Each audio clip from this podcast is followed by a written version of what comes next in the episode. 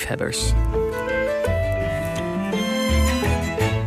Waarschijnlijk is er nog nooit zoveel gelachen in het Britse parlement als tijdens het debat over de eerste wet tegen dierenmishandeling. Dat was in 1821 en 1822. Als je die verslagen nu terugleest, waarin een Richard Martin met verven voor zo'n dierenbeschermingswet pleit, dan zie je dat hij bijna om de zin wordt onderbroken door gejoel en gelach. En toch wist Martin uiteindelijk het parlement te overtuigen. Het is deze week precies twee eeuwen geleden dat zijn wet, Martin's Act, werd aangenomen. En dat was wereldwijd de eerste wet tegen dierenmishandeling.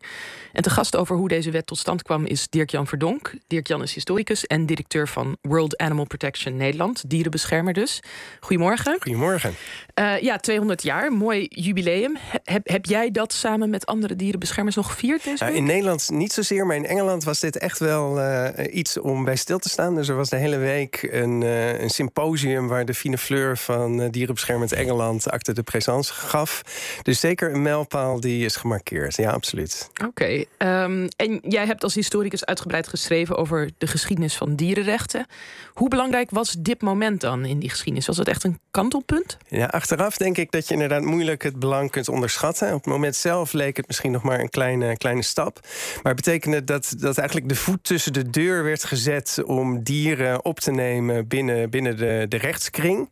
Um, dus die Martins Act die, ja, die gaf, liet het eerste balletje rollen dat, dat eigenlijk sindsdien uh, door is gerold.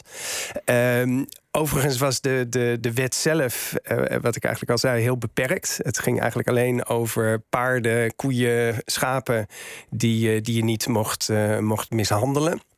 En ook was er niks geregeld over handhaving van die wet. Uh, dus dat betekende dat de facto uh, Richard Martin, uh, nadat de wet was aangenomen, ook als handhaver ging optreden. Dus in de straten van Londen ja, bracht hij dan zaken van, van dierenmishandeling aan. Hmm. En dat gebrek aan handhaving, dat, dat was ook een van de drijfveren om de Society for the Prevention of Cruelty op te zetten in 1824. Um, en, die, en die hield zich dus met die handhaving bezig. Dus de, de wet heeft ook eigenlijk de de klaroenstoot gegeven voor de georganiseerde dierenbescherming. Kijk, en hoe nodig was zo'n wet dan in die tijd? Was het mishandelen van dieren, kwam dat veel meer voor dan nu? Ja, dat, dat was uh, overal aanwezig. En je moet je natuurlijk voorstellen in, in zo'n stad als Londen... alle transport dat ging via, via koetsen die door paarden werden getrokken... of karren die door, door ezels uh, voortbewogen werden. Uh, vee dat werd door de straten gedreven, geschopt, geslagen... naar de slachthuizen die zich in de stad bevonden. De Engelsen waren ook, ook zeer dol op wat zij bloodsport noemden. He, het hanengevechten. He. In heel, heel Londen waren tientallen zogeheten cockpits waar dat plaatsvond. Je had hondengevechten. Je had ook uh, met name uh, zogeheten uh, bullbaiting, waarbij dan stieren vastgewonden werden aan een paal. En dan werden er agressieve honden die daar speciaal voor waren gefokt, de zogeheten bulldogs, op afge, afgestuurd om die, om die stieren om te brengen. Dus ja, dieren, dierenmishandeling was heel publiekelijk aanwezig. Ja, en het is ook wel interessant wat je dan vertelt over ja, koetsen ik, ik heb dan natuurlijk een heel romantisch beeld van hoe je dat ziet in uh, Jane Austen films of zo. Dat ze daar gewoon over lieflijke paadjes aan het rijden zijn. Maar daarbij werden die paarden ook wel dus met regelmaat gewoon afgetuigd. Die, die werden stevig afgetuigd. En, en het is niet zo dat die Martins Act het, het verbood om paarden te slaan. Maar dat moest wel functioneel zijn. Dus het, het, zeg maar het, het excessief afranselen van paarden, dat werd met deze wet uh, verboden. Ja, en die Richard Martin die werd dus nogal uitgelachen in het parlement. Ik heb een beetje zitten kijken naar hoe, hoe die discussies toen verliepen. Um, ja, hoe heeft hij dan uiteindelijk toch die mensen overtuigd eigenlijk dat dit nodig was? Dat, leek niet alsof ze hem echt heel serieus namen. Nee, en dat, um, er waren ook al eerdere pogingen gedaan. Uh, een beroemde poging in 1810 uh, door, door Lord Erskine, een, een, beroemde advocaat in die dagen, die echt op grond van het lijden van de dieren betoogde dat aan, aan dieren wettelijke bescherming uh, toe moest vallen. Nou, die, die wet haalde het niet. Richard Martin heeft daarvan geleerd, hoewel hij ook die, die argumenten van Erskine gebruikte, maar daar, daar kreeg hij dus hoongelach voor. Maar wat Martin deed was eigenlijk veel bescheidener zijn in zijn, in zijn eisen. En het, het verbod dat, dat stoelde echt op het feit dat vee, dat paarden, koeien, dat dat economische productiefactoren zijn, eigendommen ook. En de, de aanname eigenlijk die aan die wet ten grondslag lag, was dat eigenaars van dat soort productiemiddelen er geen uh, reden toe hadden om die dieren te mishandelen, want dat, dat zou hun, hun, productie aantasten. Dus eigenlijk was de aanname dat eigenaars van die dieren per definitie geen mishandeling zouden plegen.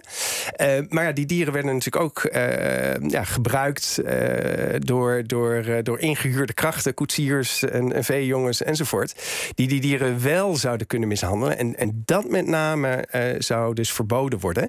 Uh, ironisch is ook, Martin wilde eigenlijk ook met die wet dat, dat stierenbijten verbieden. Hè, want stieren zijn natuurlijk ook vee.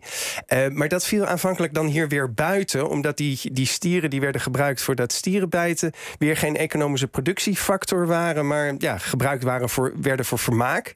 Dus het duurde pas tot, tot 1835 voordat ook dat stierenbijten uh, verboden werd. Ja, dus wat, wat je zegt is wel interessant. Het gaat er niet zozeer over van, oh, we vinden het zielig of de dieren kunnen lijden. Maar het gaat over de, de eigenaar van het dier en zijn rechten. Ja, het, het, reguleren van eigendomsrechten eigenlijk. En wat wel ook op de achtergrond meespeelde, was het, het idee dat uh, het, het mishandelen van dieren, dat dat ook een soort opstapje was voor uh, het mishandelen van mensen. Dus dat het ook bij het, het beschaafde beeld van de burger om zich uh, ja, correct ten aanzien van de dieren te gedragen.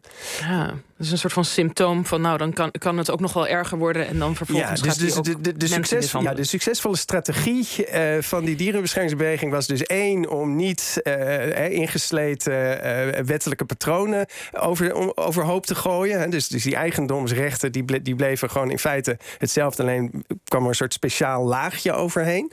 Um, en, en ook door, door een appel te doen op de waarde voor, voor mensen.